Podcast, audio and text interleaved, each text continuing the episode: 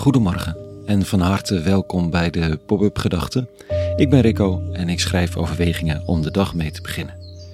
Ochtends tussen 6 en 7 lees ik de oude Bijbellezingen die bij deze dag horen en schrijf een eerste gedachte uit. Een mentale oefening, of misschien eerder nog een oefening van de ziel. Een moment van rust en aandacht. En het begint altijd met een titel.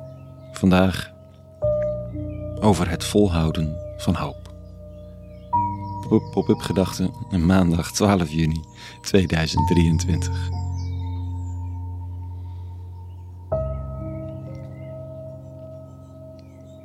Er kan soms een zwaarte in je ziel komen wonen. Eentje die een gewicht legt op de lichtheid van je hart. Er was een tijd dat je geloofde dat alles heus goed kwam. Voor jou, voor de ander. Maar allengs verdween de lichtheid en begon je jezelf af te vragen of het geen dartele naïviteit was om te geloven in recht voor iedereen en hoop voor de toekomst. Er was in de echte wereld toch geen reden om aan te nemen dat het met jou wel goed kwam. Met je baan, met je gezin, met een partner, met je relatie.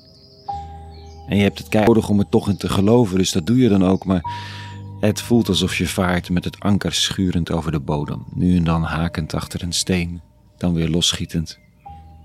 Het is emotie. Redenering helpt niet echt. Al komen er altijd gedachten bij kijken. Met name in de nacht.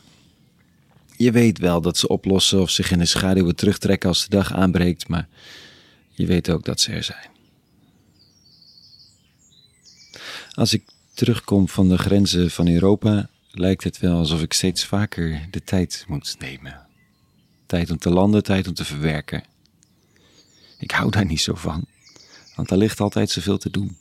En ik pak liever iets aan dan me over te geven aan het oncontroleerbare proces van dat wat men verwerken noemt. En het kan ook niet zonder. Her en der waarschuwt er dan iemand onderweg, pas op, er zijn er die behoorlijk onderdoor gaan aan secondary trauma of, of emoties. En ik wijf het eerlijk gezegd een klein beetje weg, want zij maken heel wat heftigere dingen mee. Maar toch. De zwaarte in je ziel zien. Beseffen dat er een anker beneden over de rotsen tikt, terwijl je gewoon vooruit probeert te sturen. En dan stil gaan liggen om te kijken of het weer binnen te halen valt. Is nog niet eenvoudig, maar zo belangrijk. Belangrijk voor de hoop en het vertrouwen. Wat twee moeilijk te definiëren grootheden zijn en nog moeilijker te controleren grootheden. Maar hoop, vertrouwen. Ja, ze zijn natuurlijk ook levengevend en kwetsbaar. Hoop laten varen kan soms zo rustgevend zijn. Sepsis of zelfs cynisme kunnen je het gevoel geven dat het allemaal even niet meer hoeft. Toch zijn het er maar weinig die het volhouden. Uiteindelijk word je weer geraakt door hoop of door iemands vertrouwen. Misschien is het wel wat ons zo beschermend maakt naar kinderen, een vertrouwen, een toekomstgerichtheid, dat het ons herinnert aan wie we zouden willen zijn, diep in ons hart. Maar durf je het? Want het kan zo pijnlijk zijn.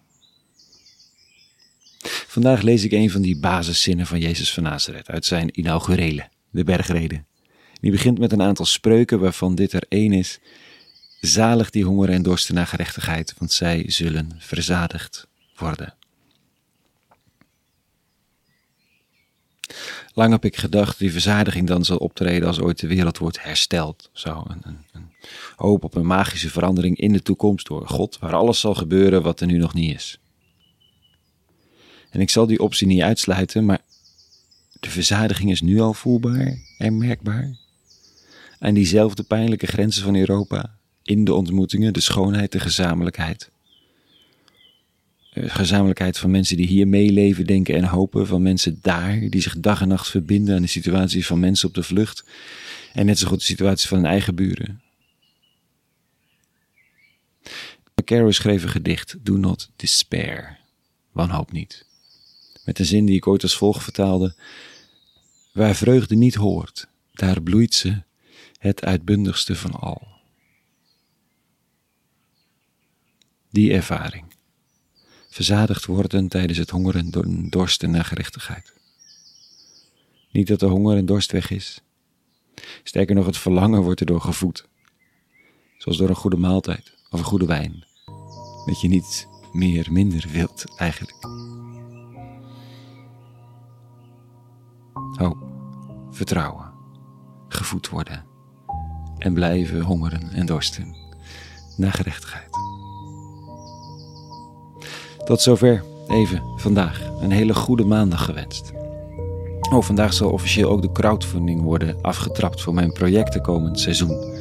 Afgelopen vrijdag konde ik, de, ik het al even aan onder de radar voor luisteraars en donateurs van vorig jaar. En ik sta werkelijk met ontroering te kijken hoe ongelooflijk veel er al is bijgedragen. Terwijl het dus eigenlijk nog niet eens publiek begonnen is. Zoveel verbinding, zoveel gezamenlijkheid. Kijk maar eens, of hou het eens bij op www.rico.nl. Dank. Voor nu een hele goede maandag gewenst en vrede. En alle goeds.